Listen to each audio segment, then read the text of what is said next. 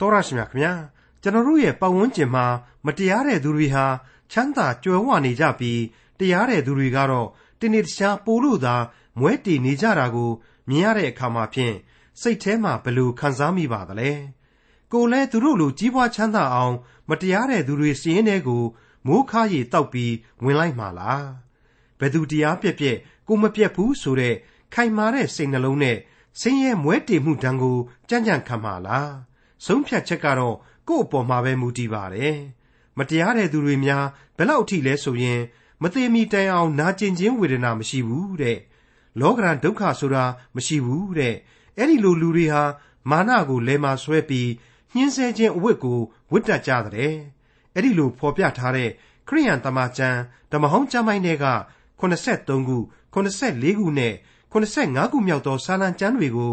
ဒီကနေ့သင်သိရသောတမန်ကျမ်းအစီအစဉ်မှာ လေ့လာမှာဖြစ်ပါတယ်။တကိုးတော်အစုံဂုံတော်အနန္တနဲ့ပြည့်စုံတော်မူသောထာဝရအရှင်မြတ်စွာဘုရားသခင်ကိုယုံကြည်ကိုးကွယ်ကြတဲ့သူတွေဟာတွေ့ဝေးပြီးဘုရားရှင်အပေါ်ယုံကြည်မှုပြပြရလူနေပါဖြစ်ရတဲ့အခါမတရားတဲ့သူတွေရဲ့အဆုံးသတ်ဏီကုံခရီးလန်းဆုံးကိုရှုမြင်တတ်ကြဖို့သတိပေးထားတဲ့83ခု84ခုနဲ့85ခုမြောက်သောစာလံကျမ်းတွေကိုဒေါက်တာထွန်းမြတ်အေးက အခုလိုသုံးသပ်ဖော်ပြထားပါတယ်။ပြီးခဲ့တဲ့သင်ခန်းစာမှာတော့ကြိုတင်ဖော်ပြထားခဲ့တဲ့အတိုင်းပဲဒီကနေ့ရောက်ရှိလာတဲ့83ခုမြောက်သောစာလံဟာစာလံတီချင်းများရဲ့အပိုင်းကြီး3ပိုင်းအနဲ့တတိယပိုင်းကိုဖွင့်လှစ်ပေးလိုက်တဲ့စာလံလို့ဆိုနိုင်ပါတယ်။အဲ့ဒါကတော့ဝတ်ပြုရာကျမ်းများကိုကိုစားပြုသောစာလံများရဲ့အပိုင်းဖြစ်တယ်တတိယအပိုင်းဖြစ်တယ်ဆိုတာကိုမိษွေတို့သိပြီးသားဖြစ်ပါတယ်။ဘာကြောင့်ဝတ်ပြုရာကျမ်းများကိုကိုစားပြုတယ် ဝတ်ပြုရာကျမ်းမှာဘာကြောင့်အခြေခံနေဆိုတာကိုဒီဆာလံအစုအဖွဲ့နဲ့ပတ်သက်လို့အနည်းငယ်ရှင်းလင်းဖော်ပြပါရစေဝတ်ပြုရာကျမ်းဆိုတာဟာတကယ်တော့တဲတော်နဲ့ဝတ်ပြုကိုးကွယ်ခြင်းအစဉ်အလာတွေကိုဖော်ပြထားတယ်အသွေးတော်အားဖြင့်ပူဇော်ခြင်းအားဖြင့်သာလျှင်အပြစ်လွတ်ခြင်းကိုခံယူရရှိနိုင်တယ်ဆိုတာကိုဖော်ပြသွားတဲ့ကျမ်းကြီးပဲဖြစ်ပါတယ်တနည်းအားဖြင့်ဘုရားသခင်သည်တန်ရှင်းစင်ကြယ်တော်မူ၏ ထိုတန်ရှင်းစင်ကြယ်တော်မူခြင်းရှိသောသခင်ထံကိုတိုးဝင်ချင်းကပ်ဖို့ရန်အတွက်လူသားတို့ကိုယ်တိုင်သည်တန်ရှင်းစင်ကြယ်ဖို့ရန်ရစ်ပူဇော်ရမည်ဝတ်ပြုရမည်ဆိုတဲ့အနှစ်ချုပ်သဘောကိုဝတ်ပြုရာကျမ်းဟာဖော်ကျူးခဲ့တယ်ဆိုတာကိုအားလုံးနားလည်ပြီးသားဖြစ်လိမ့်မယ်လို့ကျွန်တော်ခံယူပါတယ်ဝတ်ပြုရာကျမ်းတို့ရဲ့ဓမ္မရေးအ내အတိတ်ပဲဟာအဲ့ဒီလိုဖြစ်ခဲ့သလိုအခု83ခုမြောက်သောဆာလံမှစတဲ့ဆာလံတီချင်းတွေဟာ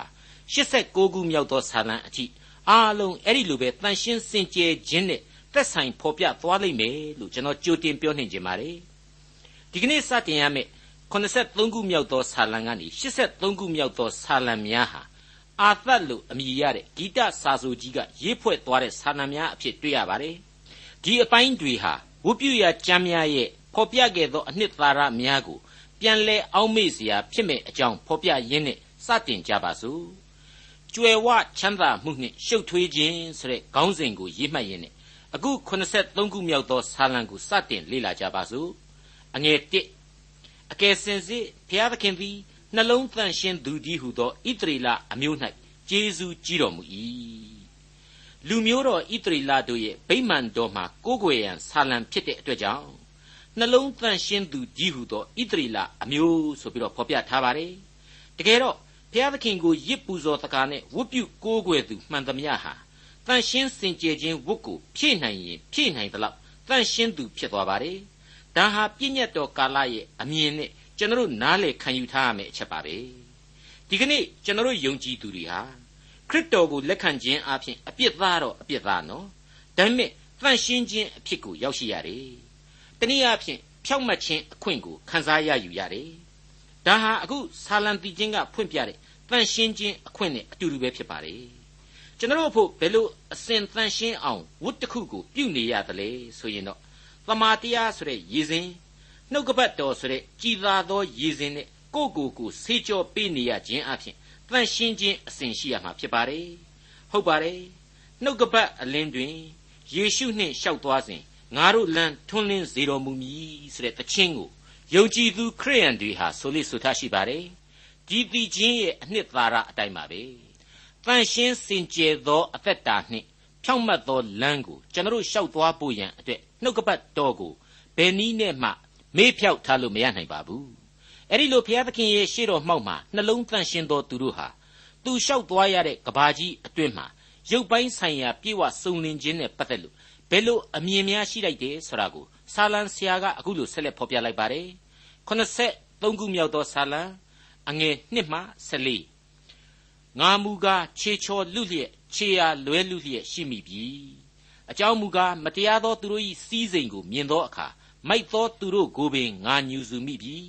ထိုသူတို့သည်မသေးမီတိုင်အောင်နာကျင်ခြင်းဝေဒနာမရှိ ခိုင်မာသောအစွမ်းတတ္တိရှိကြ၏သူတို့သည်လောကရန်ဒုက္ခမရှိ လူများကဲ့သို့အနှောက်အယှက်ကိုမခံရကြထို့ကြောင့်မာနကိုလေဆွဲတစားကဲ့သို့ဆင်း၍ညှင်းဆဲခြင်းအဝတ်ကိုလည်းဝတ်တတ်ကြ၏ ဆူဝါသောကြောင့်မျက်နှာမော်လျက်ရှိကြ၏စိတ်နှလုံးကြံစီခြင်းအပြင်လွန်ကျူးတတ်ကြ၏သို့သောညှင်းဆဲခြင်းကိုပင်ပြည့်ရဲ့ပြု၍ပြောတတ်ကြ၏ထောင်လွှားသောစကားကိုလည်းသုံးတတ်ကြ၏သူတို့နှုတ်သည်လည်းကောင်းကျင်နှင့်ဆန့်ကျင်ဘက်ပြု၍ရှာသည်လည်းမြေကြီးကိုလှဲ့လေတတ်၏ထို့ကြောင့်ဖျားသခင်၏လူတို့သည်သူတို့ထံသို့ပြန်သွား၍များစွာသောရေကိုမြူရကြ၏ဖျားသခင်သည်အဘယ်သို့သိတော်မူမည်နည်း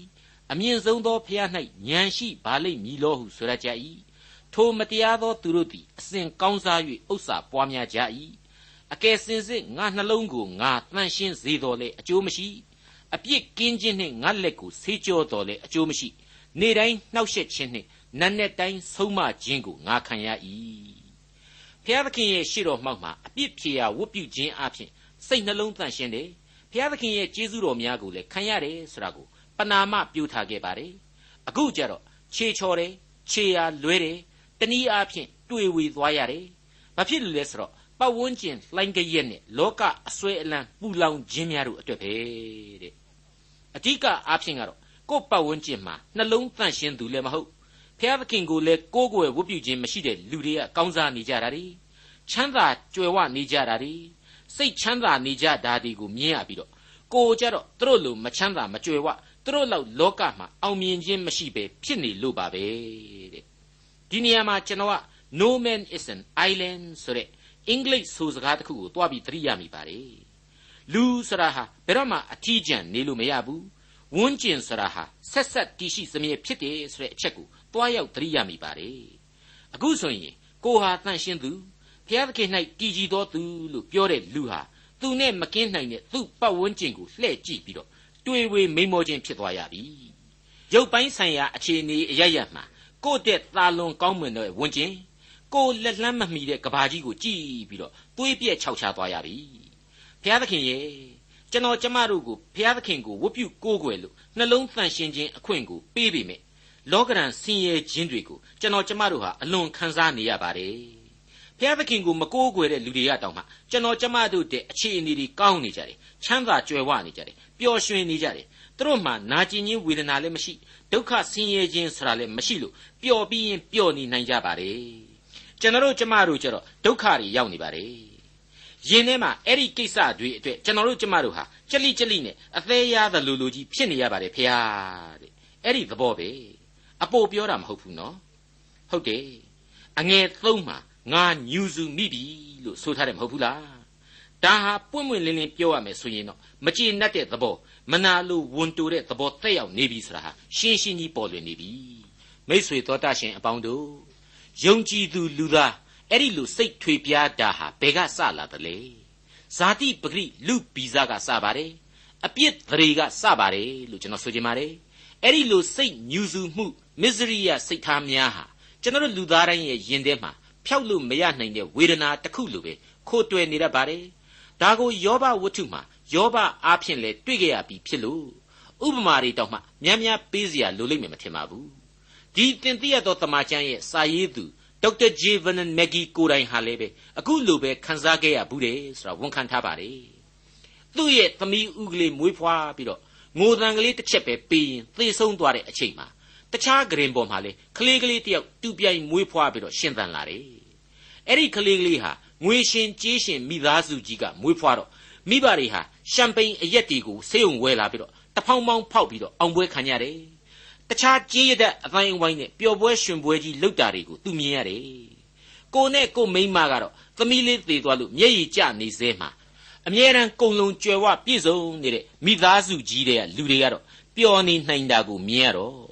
စိတ်ထဲမှာငါလိုဓမ္မအမှုတော်ဆောင်တယောက်ရဲ့သမီးကလေးကိုမှဘုရားသခင်ကရွေးပြီးတော့ခေါ်သွားရလေခြင်းဆိုတဲ့အတွေ့အမျိုးဝင်ခဲ့ဘူးတဲ့အကြောင်းကိုသူဝန်ခံထားပါတယ်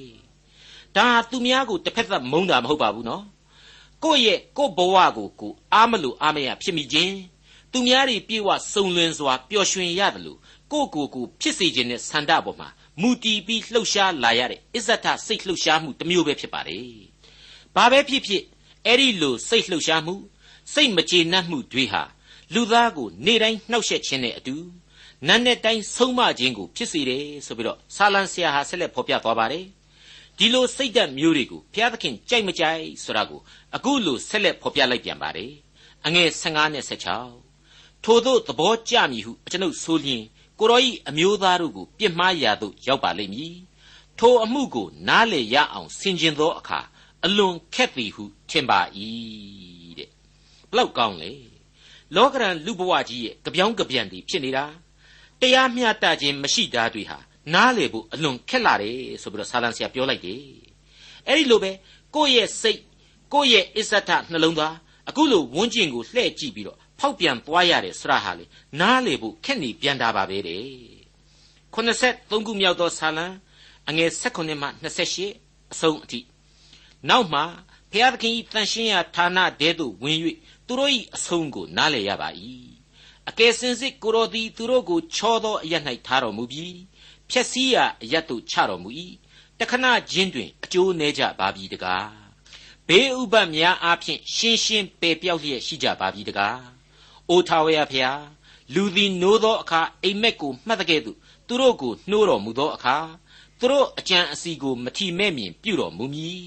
ထို့သောအကျွန်ုပ်သည်နှလုံးနာလျက်ကြောက်ကပ်မှွေနှောက်လျက်ရှိ၍မိုက်သောသူပညာမဲ့သောသူဖြစ်ပါ၏ရှေ့တော်၌တိရစ္ဆာန်ကဲ့သို့ဖြစ်ပါ၏သို့တော်လည်းအကျွန်ုပ်သည်ကိုတော်ထံမှအစဉ်ရှိ၍အကျွန်ုပ်၏လက်ရလက်ကိုဆွဲကင်တော်မူ၏အကျွန်ုပ်ကိုညံပေး၍ပဲ့ပြင်တော်မူမည်နောက်တဖန်ဘုံအသရေ၌သိမ့်ယူတော်မူမည်ကိုတော်မှတပါကောင်းကင်ဘုံမှအကျွန်ုပ်၌အဘယ်သူရှိပါသနည်းကိုတော်ကိုအလိုရှိသည်နှင့်အမျှ မြေကြီးပေါ်မှအကျွန်ုပ်သည်အဘယ်အလိုရှိပါသနည်းအကျွန်ုပ်၏အသားနှင့်နှလုံးသည်ပြက်ကြပါ၏သို့တော်လည်းဘုရားသခင်သည်အကျွန်ုပ်နှလုံး၏အစွမ်းတတ္တိအကျွန်ုပ်အစဉ်အမြဲခံစားရာအဖို့ဖြစ်တော်မူ၏အကယ်စင်စစ်ကိုတော်နှင့်ဝေးဝေးနေသောသူတို့သည်ပျက်စီးခြင်းသို့ရောက်ရကြပါ၏ကိုတော်နှင့်ကြွာ၍မှားယွင်းသောသူအပေါင်းတို့ကိုပယ်ရှင်းတော်မူ၏အကျွန်ုပ်မူကားဖျားသခင်ထံတော်သို့ချဉ်ကပ်၍အကျိုးရှိပါ၏အမှုတော်ရှိသမျှတို့ကိုကြားပြောခြင်းအလို့ငှာ အရှင်ထာဝရဘုရား၌ခိုလှုံလျက်နေပါ၏ရှင်းနေပါတယ်နော်စောစောကလူမစ္စရိယစိတ်တွေဆိုတာဟာဘာကြောင့်ဖြစ်တယ်လဲဘုရားသခင်ကိုယုံကြည်တယ်ဆိုပေမဲ့ဘုရားသခင်ရဲ့ဌာနတော်တဲကိုဝင်ပြီးတော့ဘုရားသခင်ရဲ့အလိုတော်ဘုရားသခင်ရဲ့မေတ္တာတော်အရေးမှာကိုဟာတီမီလို့မနေလို့ပဲဘုရားသခင်ရဲ့တန်ရှင်းရာဌာနတော်သို့မဟုတ်ဘုရားသခင်၌တလုံးတဝတီတီမီနေရတဲ့အခါမှာကြတော့လောကကြီးမှာ ဘုရားသခင်ကိုသာသည်ဖြစ်စေနာသည်ဖြစ်စေဒုက္ခတွေ့သည်ဖြစ်စေဒုက္ခချမ်းသာကိုခံစားရသည်ဖြစ်စေဘုရားသခင်ရှေ့မှာတန်ရှင်းစင်ကြယ်နေဖို့သာလျှင်အဓိကဖြစ်တယ်ဘုရားသခင်၌အစဉ်တစိုက်ယုံကြည်ခြင်းတစ္ဆာတည်ဖို့သာအရေးကြီးတယ်ဘုရားသခင်မပါဝင်ဘဲနဲ့အသက်တာမှာအောင်မြင်ချမ်းသာခြင်းကြီးပွားတိုးတက်ခြင်းတို့ဟာအနတ္တသာဖြစ်တယ်ဆိုတာကိုနားလည်လာရစေတယ်လို့ဖော်ပြလိုက်ခြင်းပဲဖြစ်ပါတယ် ဒီအပိုင်းကိုရောက်ရှိတဲ့အခါကျတော့ရှင်လုကာခရစ်ဝင်တဲကပုံပြင်ဥပမာတော်ကိုပဲကျွန်တော်ကထပ်မံကိုးကားပြခြင်းပါတယ်ရှင်လုကာခရစ်ဝင်ကျမ်းအခန်းကြီး16တဲကလောကကြီးမှာဘာမှလိုလေသေးမရှိပြည့်စုံနေတဲ့တထေးကြီးနဲ့အဲ့ဒီတထေးကြီးရဲ့စနှုတ်စပေါက်လောက်ကိုသာစောင့်ပြီးတော့စားနေရတဲ့လူတရောင်းစားတယောက်တို့ရဲ့အကြောင်းနှိုင်းရှင်ချက်ဖြစ်ပါတယ်ပိုက်ဆံရှိတဲ့လူဟာကာမဂုဏ်စည်းစိမ်ကိုပဲခံစားနေတယ်လောကစည်းစိမ်မှာပဲပျော်မွေ့နေတတ်တယ်။တနည်းအားဖြင့်ဆိုရင်တော့ ဘုရားသခင်ကိုမေ့လျော့ကြောခိုင်းနေတယ်လို့အတိတ်ပဲပြန်ဆိုနိုင်ပါတယ်။အဲ့ဒီလိုလောကီစည်းစိမ်မှာပဲပျော်ရွှင်ခြင်းသူတထေးကြီးဟာသူသေတဲ့အချိန်ကျတော့မရဏနိုင်ငံမှာပြင်းထန်တဲ့ဝေဒနာကိုခံယူခဲ့ရတယ်။အဝေးကိုမျှော်ကြည့်လိုက်တော့မှသူ့မတထာရေစာလောက်ကိုသာစားရတဲ့လူစင်းရဲဟာအာဗြဟံရဲ့ရင်ခွင်မှာငြိမ်းချမ်းသာယာစွာရှိနေရတယ်ဆိုတာကိုတွေ့ရတယ်ဆိုတဲ့အကြောင်းပဲဖြစ်ပါလေ။ရှင်လုကာခရစ်ဝင်ကျမ်းအခန်းကြီး16 အငယ်16မှ29အတွင်းမှာဖတ်ကြည့်ရင်တွေ့ရမယ့်အချက်တွေပါတထေးတယောက်သည်နီမောင်းသောကပလာပိတ်ချောကိုဝတ်ဆင်၍ကာမဂုံစည်းစိမ်၌နေတိုင်းပျော်မွေ့လျက်နေလာဇရုအမည်ရှိသောသူစင်းရဲတယောက်သည်တကိုယ်လုံးအနှစိမ့်ပေါက်၍တထေးဤစပွဲမှကြသောစနုပ်စပေါက်ကိုစားပါရစေဟုတောင်းတသောစိတ်နှင့်တထေးအိမ်တကားနာမှတုံးလုံးနေ၏ခွေးတို့သည်လာ၍အနှစိမ့်များကိုရက်ကြ၏တနေ့၌ထိုဆင်းရဲသားသည်သေလွန်၍ကောင်းကင်တမန်တို့သည် အာဗြဟံ၏ရင်ခွင်သို့ပို့ဆောင်ကြ၏တထေးသည်လည်းသေလွန်၍သင်္ကြိုခြင်းကိုခံရလေ၏မရဏနိုင်ငံ၌ပြင်းပြစွာသောဝေဒနာကိုခံလျက်မျှော်ကြည့်၍အာဗြဟံကို၎င်းအာဗြဟံ၏ရင်ခွင်၌လာဇရုကို၎င်းအဝေးကမြင်လျင်အိုအဖအာဗြဟံအကျွန်ုပ်ကိုကယ်မသနာတော်မူပါအကျွန်ုပ်သည်ဤမီလျံ၌ပြင်းစွာခံရသောကြောင့်လာဇရုသည်မိမိလက်ဖျားကိုရေ၌နှိပ်၍အကျွန်ုပ်ရှာကိုအေးစေခြင်းဟာ သူ့ကိုအကျွန်ုပ်ရှိရာသို့ဆေလွတ်တော်မူပါဟုဟစ်ကြော်လေ၏အာဗြဟံကလည်းငါသားသင်သည်အသက်ရှင်စဉ်အခါချမ်းသာရသည်ကို၎င်းလာဇရုသည်ဆင်းရဲစွာနေရသည်ကို၎င်းအောက်မေ့လော့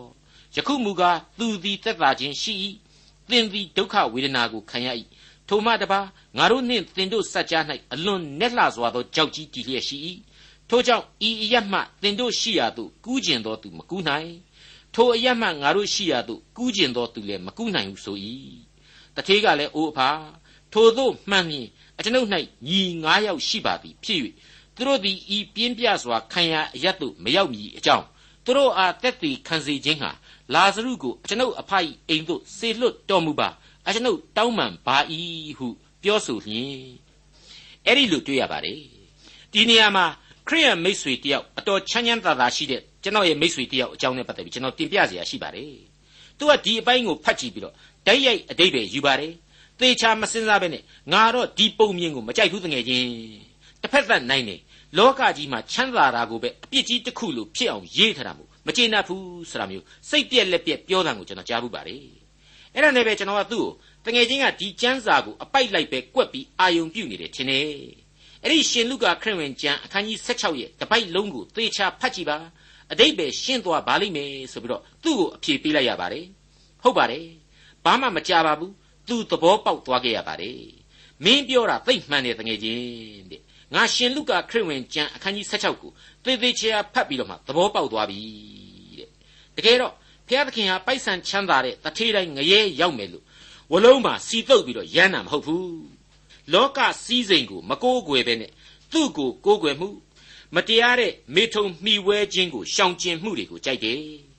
တရားမျှတတဲ့လူအဖွဲ့အစည်းကိုဖြစ်စေခြင်းနဲ့စင်းရဲသားတွေကိုလူသားတွေဟာမျှတစေခြင်းနဲ့လူသားတွေကိုတရားစီရင်ရမှလေစိတ်နှလုံးအတွင်းသဘောကိုသာကြည့်တယ်ဆိုတာတွေကိုဒီပုံမြင်သာရကအားဖြင့်ဆိုလိုတာဖြစ်တဲ့အကြောင်းငါသဘောပေါက်ပြီတဲ့ကျွန်တော်လဲဝန်တာအားရဖြစ်သွားမိပြီးတော့အဲ့ဒါတွေတင်မကသေးဘူးတငယ်ချင်းကြီး အသက်ရှင်တော်မူသောခရစ်တော်စီမှာနောင်တနဲ့ကြိုးပဲ့ကြေမွာသောစိတ်နှလုံးကိုလေဘုရားသခင်ကလိုချင်တယ်ဆိုတာကိုလေသိစေခြင်းသေးတယ်အထူးသဖြင့်ဘုရားသခင်ဟာသားတော်ခရစ်တော်ကိုစေလွတ်တယ်ဒီသခင်ဟာအသေးခံပြီးတော့ရှင်ပြန်ထမြောက်တော်မူခြင်းအပြင်လူသားတိုင်းကိုကယ်တင်ခြင်းကျေးဇူးပြုတော်မူတယ်ဆိုတာကိုလေလက်ခံယုံကြည်ဖို့ဓမ္မဟောင်းကျမ်းများနဲ့ဗျာဒိတ်တော်တွေကိုယုံကြည်စေဖို့ရန်ဒီပုံပြင်ဥပမာကိုဖော်ပြလိုက်ခြင်းဖြစ်တယ်ဆိုပြီးတော့သူ့ကိုရှင်းလင်းပြောပြရပါတယ်မှန်ပါတယ် မယုံလို့ရှိရင်ရှင်လုကာခရစ်ဝင်ကငရဲကန်းရောက်တထေးကြီးရဲ့ဖြစ်ပုံပုံပြင်ဥပမာကိုအဆုံးအထိနားထောင်ကြည့်လိုက်ကြပါတထေးကလည်းအိုအဖာထို့သောမှန်လျင်အကျွန်ုပ်၌ညီ၅ယောက်ရှိပါသည်ဖြစ်၍သူတို့သည်ဤပြင်းပြစွာခံရအရတ်သို့မရောက်မည်အကြောင်းသူတို့အားတက်သေးခံစေခြင်းဟာလာဇရုကိုအကျွန်ုပ်အဖ၏အိမ်သို့ဆေလွတ်တော်မူပါအကျွန်ုပ်တောင်းပန်ပါ၏ဟုပြောဆိုလျင်အာဗြဟံကသင်၏ညီတို့၌မောရှေမှစ၍ပရောဖက်များရှိကြ၏ ပရောဖက်တို့၏စကားကို နားထောင်ကြစေဟုဆို၏တထေးကလည်းမဟုတ်ပါအဖအာဗြဟံသေသောလူစုတဲကတယောက်သောသူသည်ထမြောက်၍သူတို့ရှိရာသို့သွားလျင်သူတို့သည်နောင်တရကြပါလိမ့်မည်ဟုဆိုသောအာဗြဟံကသူတို့သည် မောရှေ၏စကားပရောဖက်တို့၏စကားကိုနားမထောင်လျင်တယောက်သောသူသည်သေခြင်းမှထမြောက်တော်လေမယုံကြည်နိုင်ကြဟုအာဗြဟံအားဆိုသည်ဟုမိန့်တော်မူ၏ရှင်းနေပါပြီနော် ဖျားသခင်ဟာသားတော်ခရစ်တော်ကိုစေလွတ်တယ်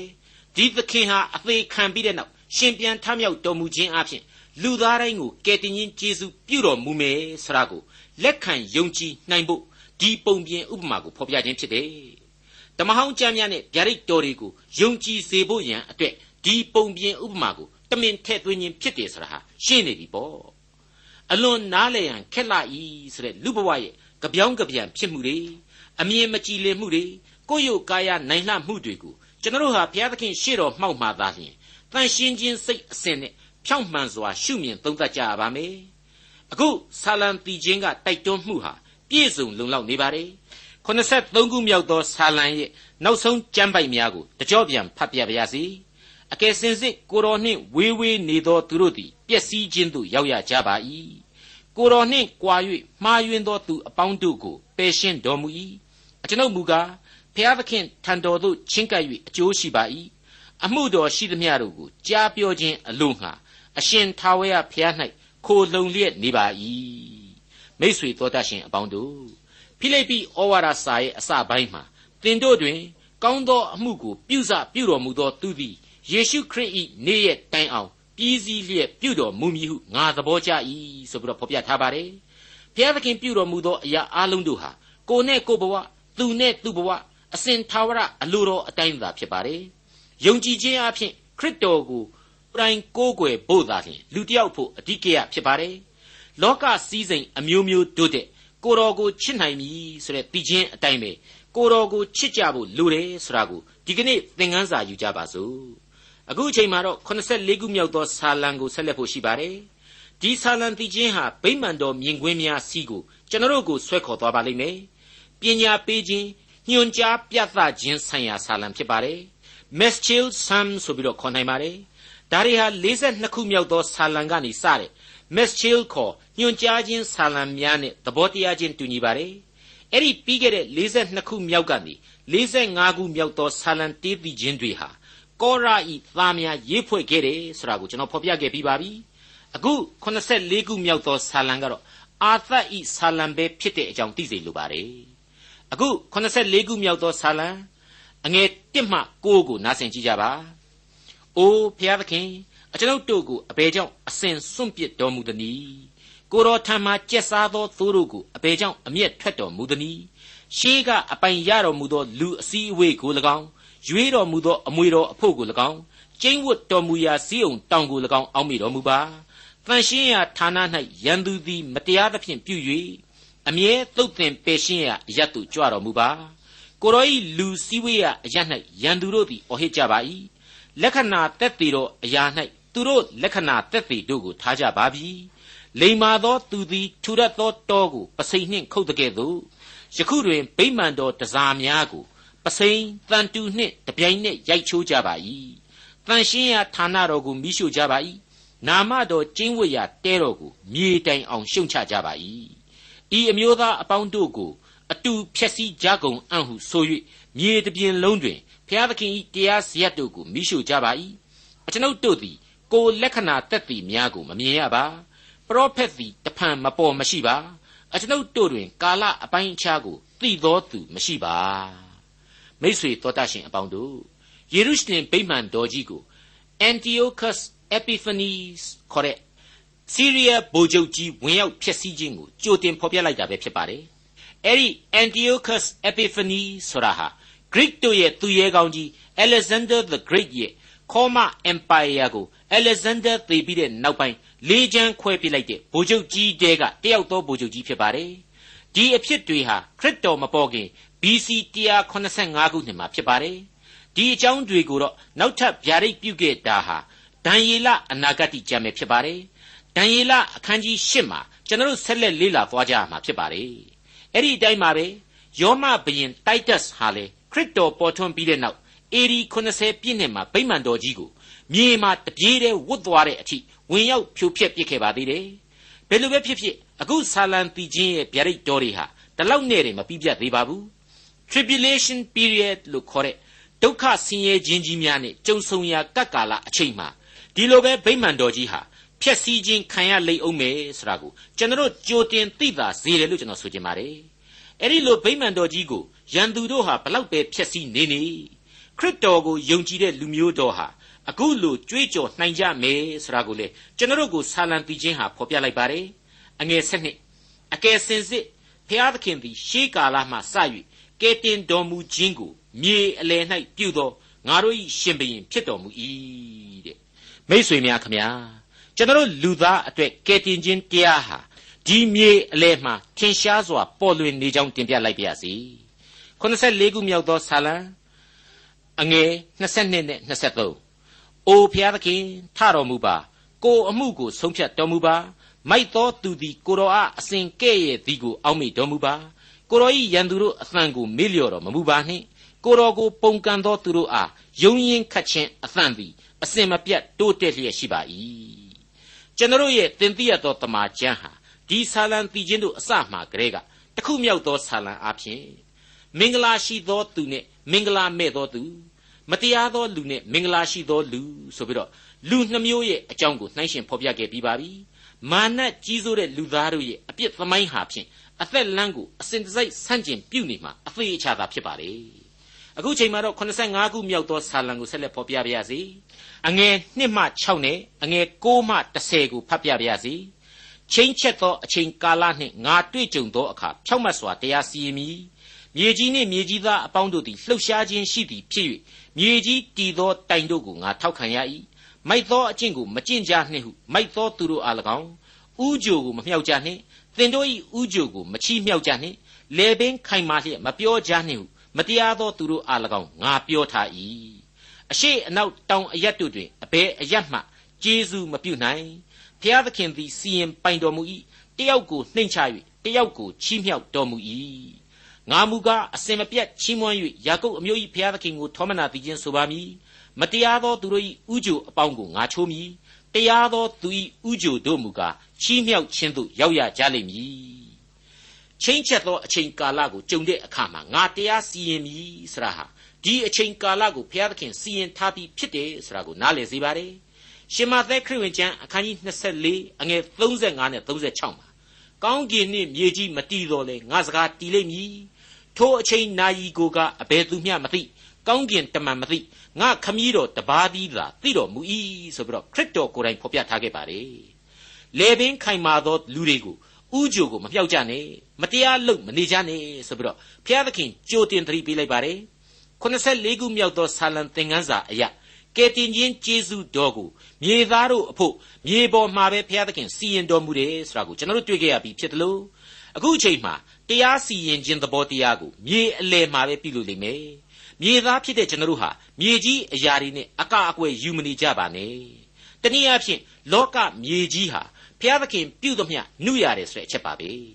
အရှိအနောက်တောင်အရက်တဲ့အဘယ်အရက်ကမှကျေးဇူးမပြုနိုင်ဘူးဆိုတာကိုဖော်ပြလိုက်တယ်